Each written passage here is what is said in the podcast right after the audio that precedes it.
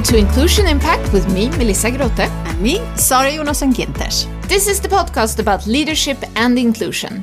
If you like what you hear, we appreciate if you subscribe and share the podcast. We welcome feedback and ideas of guests you think we should invite. So get in touch through LinkedIn, Instagram, or our homepage. This week, we're happy to welcome two guests to the podcast, Johan Strand and Abel Bucco. Johan is the CEO of the fintech company Simpler, and Abel is Simpler's diversity and CSR manager. In the midst of Simpler's intense growth, the company is currently working on deepening and developing their diversity and inclusion focus. Johan talks about how Simpler, up until recently, hasn't had any particular diversity strategy. Still, as a tech startup, they built a gender equal management team. Johan also shares how his leadership journey has evolved during the company's rapid growth. He recognizes how his role as CEO today is much more about giving guidance, challenge the status quo, lead innovation, and inspire. Abel has a diverse background in philosophy, feminist theory, linguistics, visual arts, and tech. He shares his ideas, thoughts, and experiences on how he plans to lead Simpler's diversity and inclusion efforts in a more strategic, hands-on, and programmatic direction. And with Abel's philosophical take on these topics, our conversation took some interesting turns. And so we welcome you to a dynamic conversation with Johan Strand and Abel Bucco, two perfect guests in Inclusion Impact. This episode was recorded in Zoom.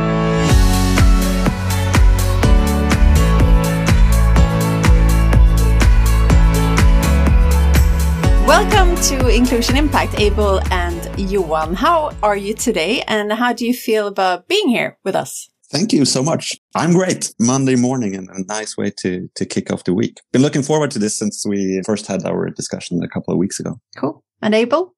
I am doing well. I was sick on Friday and Saturday, so I was a little bit nervous, but I am super well. And I always love talking about this topic. So even if I was sick, I would be all here and ready for you. Fantastic. Yeah. We are also very excited about having you both here today because this is our first interview with the two guests at the same time. Could you begin by telling us a little bit more about yourselves and your background and your career to where you where you are today. So, Abel, would you like to start? Sure. So, my role at Simpler is on paper diversity and CSR manager. It's an extremely long title, which may need to be workshop later on, but that's not for today. this is actually the first time that I've held this role, like a dedicated role to this. In university, I studied feminist theory and philosophy and activism and all those wonderful things. But I actually spent the last decade of my life working in advertising. It wasn't until the last like few years that I moved out of production at my agency and into a people and culture role where I became the people and culture leader. So I was working on diversity and inclusion, but I was a I was a one person department. So there was a lot of other things that I was working on. And these two specific topics, I always felt I was the most qualified for because of my education. And they were the two topics that actually gave me the most um, I don't know, like I felt I felt the most kind of value. I, I felt I felt like I actually I woke up thinking about these things was the the thing that came to my mind. I just kept going with it for 10 years. It was kind of a strange detour, but I'm, I'm happy I did it. Yeah. Cool. Yeah. How about you, Johan? Yeah. What's my background? Well, and how did I end up here at Simpler? Mm. I'm actually an, an um, engineer from start. After university, I went into management consultancy and well, I, I, guess I did what you do as a management consultant. I did a lot of nice PowerPoint presentations for a number of years. No, I'm just kidding. It, it, well, you do a lot of PowerPoint presentations, but it's also good, a good school. You get to see a lot of businesses and a lot of different kind of business models and, and setups in a very short time. So I did that for a couple of years and then now almost six years ago, I met with Christopher, one of the founders of, of uh. They were 12 people, a fintech startup in Stockholm looking for a CFO. So I thought, you know, fintech was booming in Stockholm. So I thought I would join this uh, crazy little company. And worst case, I would be back to making PowerPoint presentations in a, in a year or two. But uh, so far, so good, I guess. So a lot have happened since. And we're now 130 people in the company. And during the, the spring of 21, I was asked by the founders and the, and the board to take on the role as the, as the CEO of uh, Simpler. So that's, uh, that's basically my background and how I ended up here. Mm, cool. We uh, we're gonna continue just warming warming you up uh, with another couple of questions before we go into the uh, the main topics of today's conversation. But first of all, Abel, what gives you the most energy at work? Uh, this is really corny, but helping people.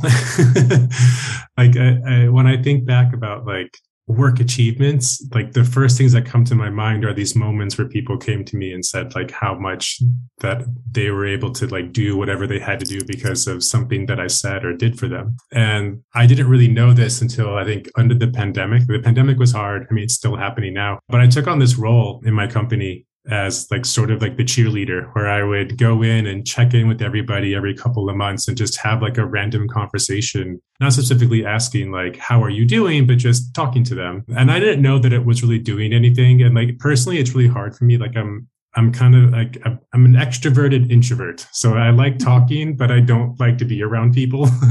so it was it was kind of a difficult, taxing thing for me to do this. But we did uh, we did like a, a survey at the end of the year, and so many people in the company said that like it was because of these little conversations I had with them that they kept them afloat throughout the year. And like actually my my scalp just started tingling when I said that. Like I just I really I get really warm and fuzzy when I, I know that I've helped somebody. Mm, that's beautiful though, because those maybe small actions can have such a big impact for people. Yeah, totally. Hmm.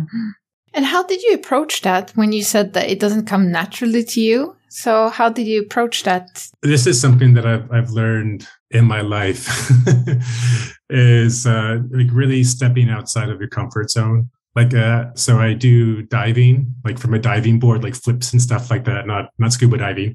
And that scares me so much. And I specifically chose that sport as an adult to do because it was scary and I wanted to do something that was constantly pushing myself out of my comfort zone.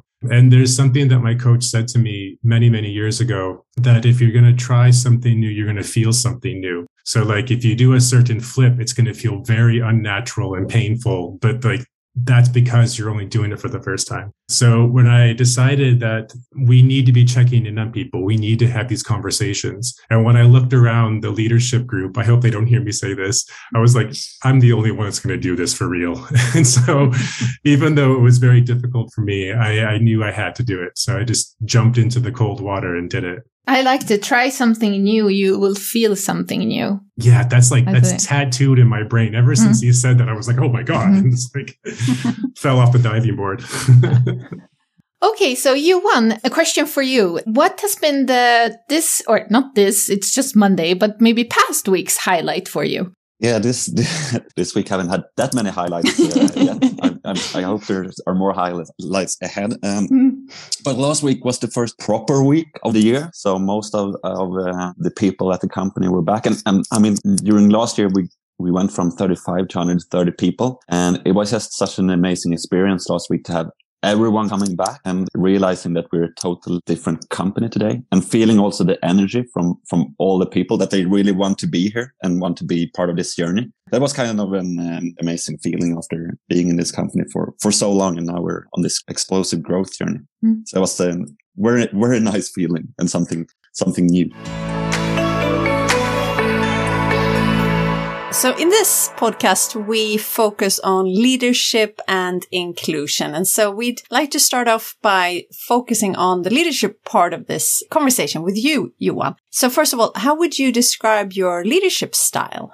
I think this is a very interesting question. You know, so I've been working now for 12 years, where of the last six years I've been at uh, at Simpler and gone from 12 people. One year ago we were 35 people, and now we're 130 people, and I'm all of a sudden the CEO of the company. I would say that I'm still trying to find my leadership style. And also that it changes almost quarter by quarter at the moment, depending on where we are as a company. It's gone from you know, first years at Simpler, it was just all hands on deck. You were digging into whatever was needed to be done to now trying to be, we're adding so many people with all this drive and energy and the, the potential and possibilities within fintech are infinitive. So for me right now, it's very much about trying to give guidance and, and inspiration on what we can be and then have all the amazing people that we have in the company do the job. So I like to see myself as a more of an inspirational leader than one that tells people what to do because I don't believe I have that any answers to anything more, more or less. So I need everyone else to come up with answers. So getting that, the, that feeling in the company is one of my, my main, main goals as the, as the CEO of Simpler. What is that? So being that inspirational leader, what do you do? I'm trying to challenge people to understand what can we do different? What can we do more? Can we think in another way? Because this is uh, something that I normally say. So I guess people at Simpler are getting tired of hearing it, but the, in fintech, everything moves really fast and every year it just goes faster and faster. And if we look at ourselves and our company, the product that we have today that are doing great, we couldn't actually build that product five years ago. The tech wasn't there. The infrastructure in the bank market wasn't there. So it couldn't be built. Now we would be really, really naive to think that five years from now, the product that we have is the product that's going to win in the market. So we need to be, you know, super innovative. We need to listen to our customers. We need to listen to the people in the organization. We need to think outside of the box and we need to challenge ourselves at all times because Otherwise, we will be out of the game in five years. So it's very much to sh- kind of challenge status quo to f- have that understanding that what we're doing today will not be good enough five years ago because what we have today couldn't be done five years ago. Having that realization uh, and then using that insight to kind of push ourselves and think different and think bigger. And that's kind of what, what my main, main task today.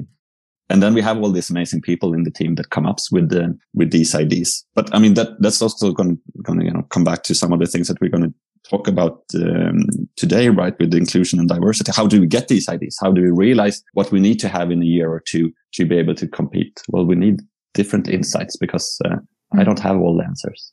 Right. Mm.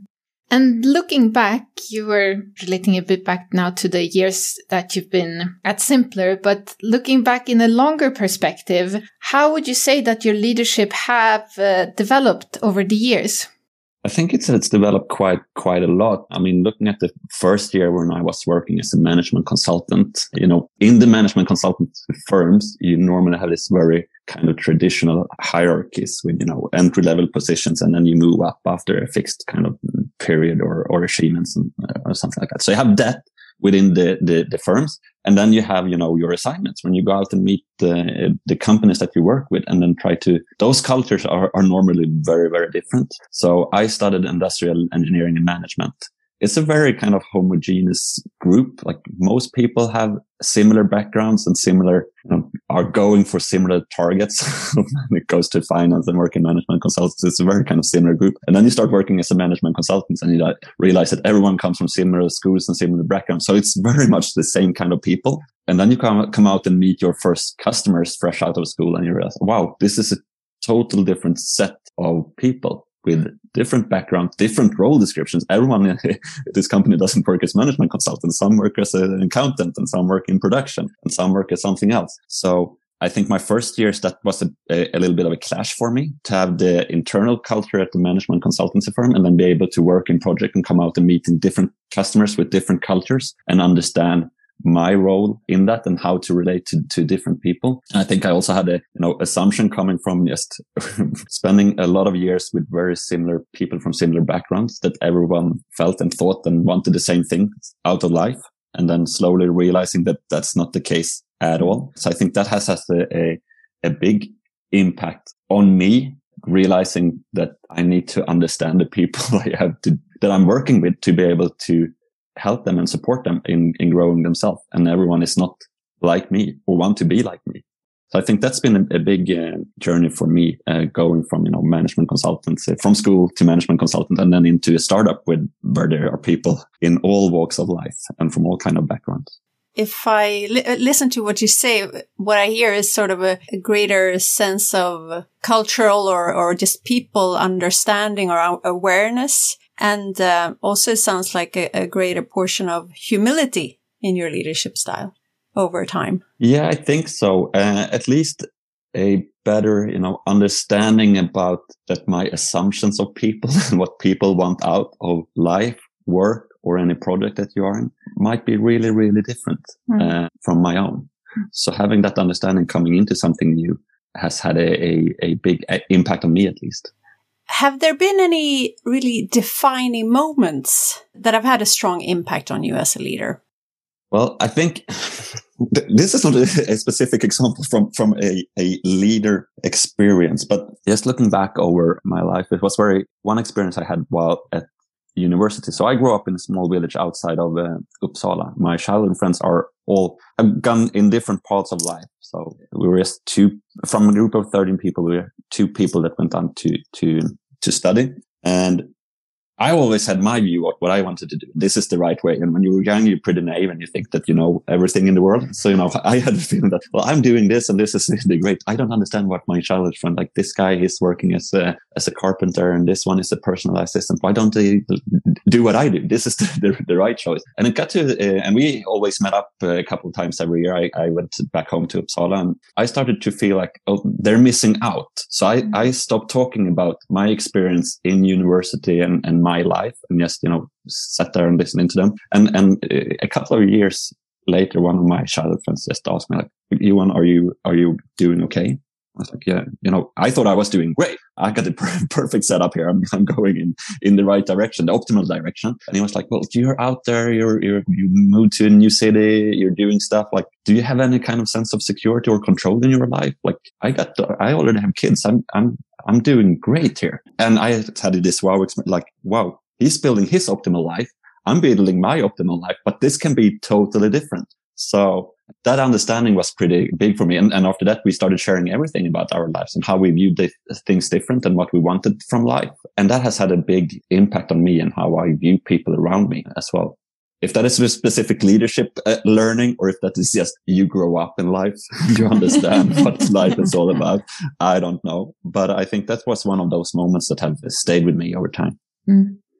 That's interesting that to, to to share each other's perspectives and to to listen to each other also the learnings that that come with with time as you say you grow up that some things you cannot really rush but it takes you need to to to take the time but to hang in there to and then you get to this point of realization and learning new things. Yeah i think so Mm. Did, and I think did, hopefully from each learning you can have a better understanding of that you don't know everything, so you're mm. more open to learning things in the future. Mm. I hope that's the case at least. so you you learn faster and faster, hopefully. I was curious as well, though. Did that experience also lead to you looking at your own life differently and what you had been prioritizing and what you saw as the optimal path? Did it lead to you changing your perspectives on your own life, or was it more about just that realization that everyone has their own optimal path?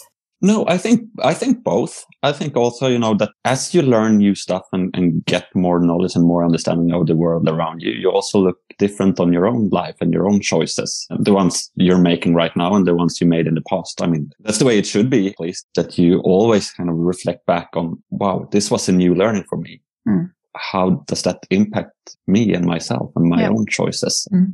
So, taking a step back into leadership and what challenges you have faced in in your leadership, if you can look back and maybe one of the biggest leadership challenges and how did you deal with them, and also coming back to again the biggest learnings that you had from from that experience to be quite honest, I think I'm facing the biggest leadership challenges right now, taking on this this role as uh, CEO of Simpler while going from 35 to 130 people in the company. That's an extreme challenge for me, at least. Going from having been in a company from when it's uh, 12 people and you do everything from putting on the coffee in the morning to someone needs help to try out a new product to, you know, cheating your way through marketing, even though you have no experience or understanding of it. You know, you do a little bit of everything and you do what's needed and going from done that for a couple of years being very, very operational to going over to a role where we're growing very fast, new people coming on board, and it's more about guiding and inspiring than doing yourself. That's a, that's a big challenge. And I think so far, uh, the way I've dealt with it is at least trying to get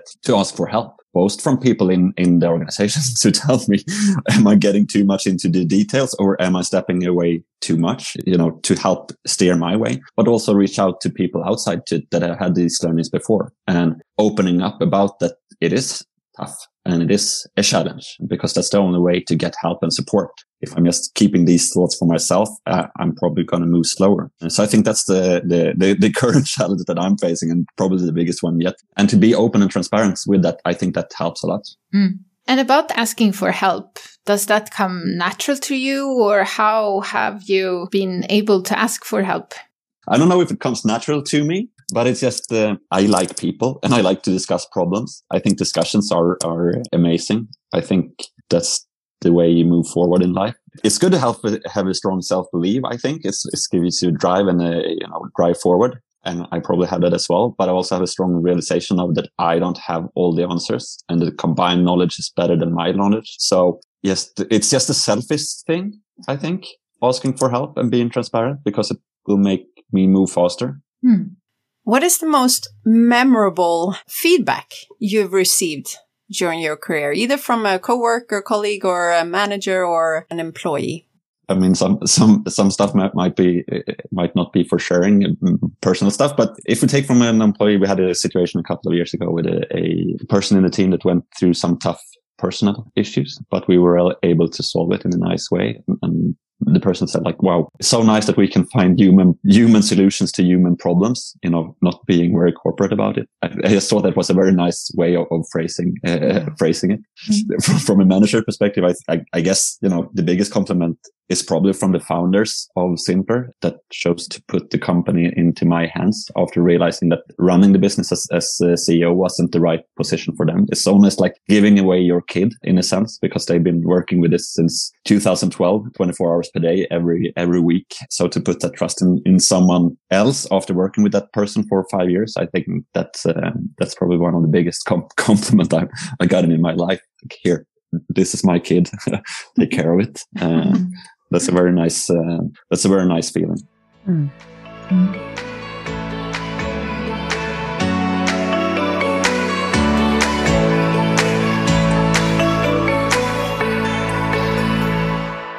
So leadership plays an important role in in inclusion. And what does inclusion mean for you, Johan, and also why why it's important for you? Well, I mean, inclusion means for me a, a, lot of things, but I think the main thing inclusion is to feel included, right? To feel that you are part of something and that you have the right to be there. One, I think it's just a very nice feeling as a human being to feel included. You have, I think everyone have been at places, either work or in their personal life. If it's a, an event that they don't really feel that they fit into, and then someone comes up to you and all of a sudden you feel included and, and are part of that team. That, that's a very nice feeling to have.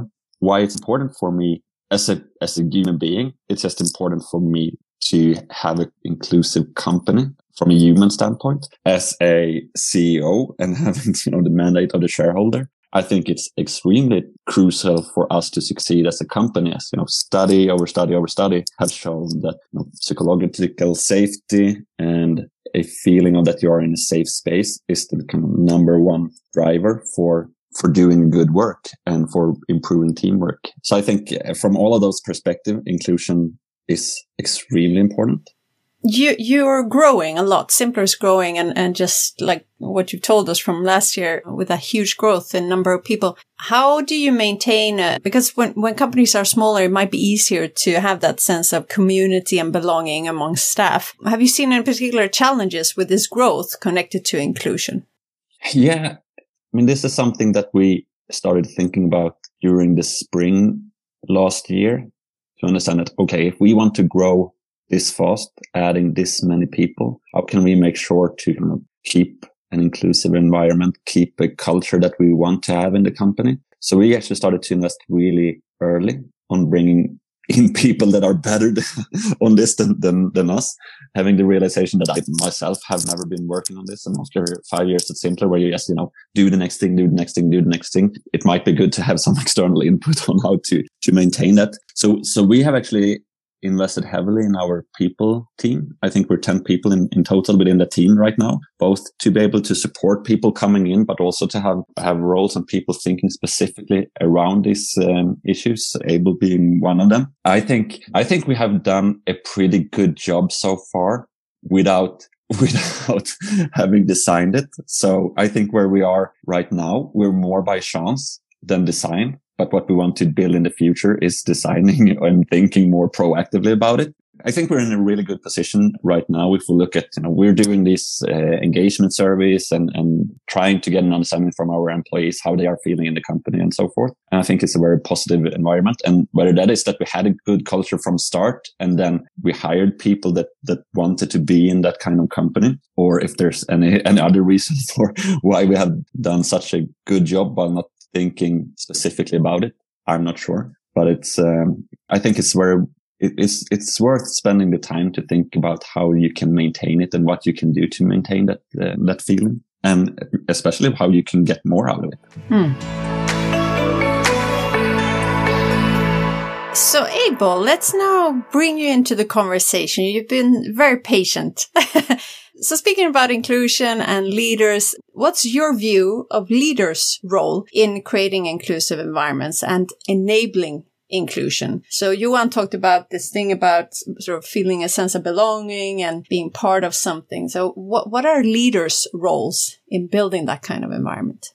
I see the driving forces of a business as the strategy and the culture and the values form this like thread that ties those two things together. Whether or not a business actually writes these out or vocalizes them, I think they, they always exist it's on the leaders to decide that strategy and more or less on the leaders to decide the values. And then the third step of that is for the leaders to role model the culture. So to build an inclusive environment and enable inclusion, because I, I, see inclusion as a description of culture, basically. These topics need to be spelled out in the values so that they're they're built into the company at a very foundation deep level of both the strategy and the culture if they only exist in one it's both not genuine in my opinion and they won't survive like I, I, I like I, I, I paint a little bit and I think about mixing paints. Like, oh yeah, we're gonna do a little drop of inclusion. Like, if you put a little drop of one color into the paint, the overall color is not gonna change. Like, you really need to put enough in there so it changes. So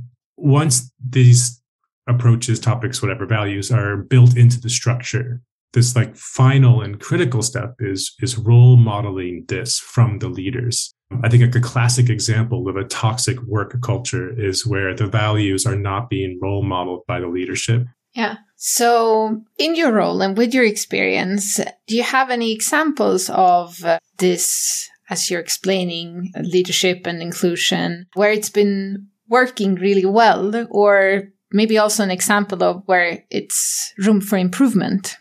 Yeah, I like I like that you say room for improvement because I, mm-hmm. I I'm not really so interested in talking about companies that haven't even started this. So it's more interesting to look at the ones that have made the effort to do this. So it's not just because Johan Strand happens to be in this podcast with us right now, but I would use Simpler as a very positive role model or um, example of this. Because in my interviews and i have told them this before it's no surprise i was very critical. I was like i don't i don't believe this. You you you all need to really prove to me that this is genuine that you're not just hiring me and then i'm gonna basically work with the marketing department. Like I've, we're gonna do this let's do it real. Let's make something that matters. And Johan's challenge back to me was, well, whatever we create needs to be replicable. It needs to be used by other companies. And I was like, oh, that's the answer I wanted.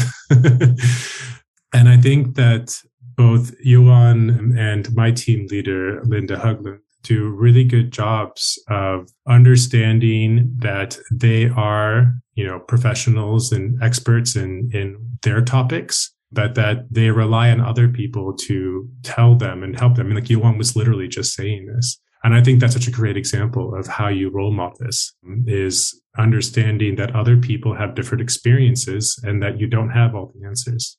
The room for improvement example is something that's sat with me for a very long time. And it's only been, I think, recently that I've come to really understand it like I don't identify as gay. Like I'm, I'm married to a man, so I'm something, but I wouldn't say that I'm a, a full card carrying uh, one. Um, and many years ago, I was at this company, and the company is world famous for being super diverse and super progressive. And like, I think there's like a five day training for onboarding. And on Monday, one of the first things they talk about is diversity and inclusion, feedback, and all these things. Um, so like they do not, it, it is serious as a heart attack for them. And I had this manager who like I really, really loved as a manager. They were very inspirational, very positive. And there were moments when like I felt a little bit of a kind of a homophobic vibe from someone else on the team and they picked up on it and they like jumped in and were like captain like ah you know, this, we're fixing this right now and i felt so safe with that person but at the same time they were very stereotypical and so like i remember this like it's it's so strange this memory there's like this this pop star died and like I walked into work and the first thing that happened, like, oh my God, can you believe? And I'm like, wait, who? What? And I was so confused and there was this like moment over moment over moment where like they would assume that like because i was like dating guys that i was really interested in all these stereotypical gay culture things that i was really not interested in at all so they simultaneously made me feel very valued and included while also alienating me and pushing me further away mm. i think that they could have taken a, a dose of the johan strand linda Hugland medicine of of kind of listening before talking, maybe. Hmm. What could they have done differently? I mean, practically differently. What would you have liked to see happen? I think that they could have just asked more questions. Like it was clear to me that they didn't know who I was, that they had reduced me to, oh, this is the gay guy on the team. Hmm. Um, and so when there was this like kind of homophobic thing that happened, like they like jumped from the mountaintop with their sword and were like no this is not happening here. And like they like took care of it and it was so good to see that. And like that alone could have been enough. Like i didn't need the running up to me be like oh my god can you believe she died? And i'm like who who is this person? Like i, I think it's it's the, so yeah the action. The action of showing that uh they cared was more important than trying to build some superficial relationship over stereotypes Right. And it brings me back to what you were saying about leaders' roles and them being role models, needing to be role models and live those values. And, and like this company had, it sounds like really strong values around diversity, inclusion and all this. So how can leaders live those values so that they don't become those fancy, beautiful words that we read on all homepages for all companies? What kind of behaviors do you see that leaders need to demonstrate to, to be those role models. I'm really fascinated by values. I think they're so, I think they're so neat. I think, I think for so many people, they're like, they're like you're saying, it's like, oh, they're words that are put on plaques and like carpets. And like in my work with them in the past, what I've come to see is that like, it's exactly what you're saying. You need to like not only have the word because like, let's say bravery as a generic example. Like bravery means different things to different people. So like you can't just say bravery. You have to define what is bravery. And then from there, you need to say, like, what does bravery look like within our company? And that gets really messy because bravery might look different in a product team compared to um, a bank relations team, etc. So, like, I think that the leaders, as the role models, need to together decide, like, how do we role model this specific value within our team?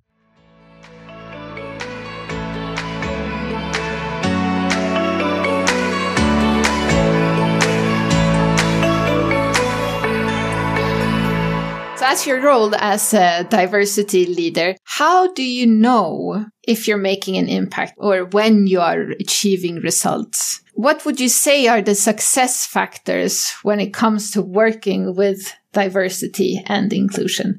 So, like, I am going to be bringing surveys to Zimpler, and we already have some about like you know work experience and things like that but i want to bring more specific ones regarding like diversity and inclusion but I think the real signs are these little conversations. Like uh, the example I gave uh, with the person, like I, d- during that lunch, by her face, I would not have known that was so important. But the conversation afterwards, like I'm going to die remembering that conversation I had with her. But then I think the real metric is keeping an eye on how long people are staying with the company. Because you can ask people, do you feel included? But like knowing their emotional state and how long they're staying, I think are the real the real measures of it. So with your role being new at Zimpler, how have you approached it? And you already talked about like these conversations, but you also talked about sort of the programs, the policies, putting that into place. Is that kind of where your starting point is? And, and then what will follow after that? How do you see your, how do you see your first hundred days or six months on the job? Yeah, I think the, well, I'm, I'm quickly approaching, actually, yesterday would have been five months since oh. I've started. Yeah. So my my plan from the start was to start with getting all of these policies like anti-bullying anti-bullying policy um, different procedures for when something you know an incident does happen how do we handle it like i wanted to get all of these things in place right away i mean yeah so i want to get those in place because those are the very like actionable things like the the kind of like boilerplate stuff so like one thing that i, I did do was to get a whistleblowing service set up. And so like there's an EU directive that you have to do this, but not until like December of this year or next year or something like that. But we got it up right away and we made stickers announcing it and we put them in every other bathroom. So like a place where someone won't be seen using the service I know from personal experience that sometimes you have to have a quick cry in the bathroom at work because something happened. Uh, so I know that there are the bathrooms are sometimes emotional places in a workplace. So we purposely put those there. So now this is the new plan. So like as of last week, I've started, I'm working on like a template for how all these different guidelines and policies will be written. So they all look and feel the same. I've got a list of the things that I'm working on. And I'm also working with a recruiter called We Exist and they focus exclusively on women and non-binaries in the tech, tech sector. And they have a certification process for what policies and programs are required before they will place someone in your company so that they can feel confident that the person that they place will feel safe and included. So I'm actually relying on them a little bit to tell me like, what do we need? How should it be phrased? Like part of the certification process is that they're going to read everything that I write to make sure that it's, well, covers all the right information. So that's that's the approach for the next coming months. From there, my like high level like aspiration is that I really want to build this word responsibility into every single part of our company. So it's looking at is our product inclusive? Like is if, if, if only a certain type or certain types of people are using our product, like is that appropriate? Um, the color of the paint on the walls, the artwork on our walls, how our office is built and structured, like it's it's not just a, a metaphysical cultural topic. Like I, I, want to make this a physical thing a financial thing. Like I, I getting these policies is, is really just the first step. Bringing you you one back into the conversation again. We have some final questions here for for the both of you so, Johan, if you would like to start to share, what aspects do you see in tech that makes inclusion more difficult? Well, if we look at tech, I want to look at the, I, want to rephrase the question a bit and the, have it uh, tech slash startup, which is the space where, where we're in. Yeah. Because I think both of those come with different challenges and opportunities. I think when you look at the startup setting, when you start up as a really small company, you get some kind of or characteristic on people that joins a company early, especially when the company is not profitable. Right now we are, but a year ago we were not. You have more bigger risk takers joining a startup, right?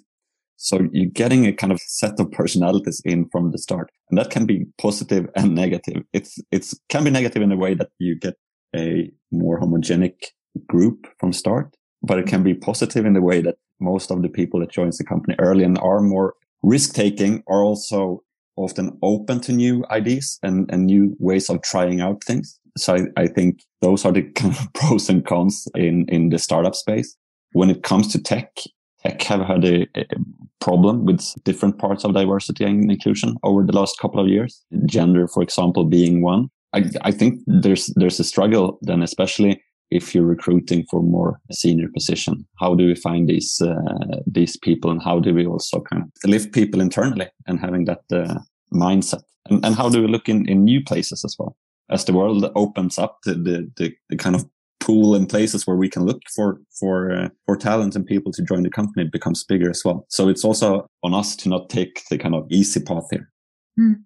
and what about abel? Do you see any aspects in tech that make inclusion easier Uh, I mean, that was going to be my answer as well. Is that I think that the tech world is and the startup world too is so much more prone to taking chances and trying new things. I think that tech makes it harder. I mean, I think there's like there's the obvious things where it's a boys club, it's a young club, it's a white or East or South Asian club or whatever. But for me, it's tech's obsession with quantifying and measuring everything that makes it hard.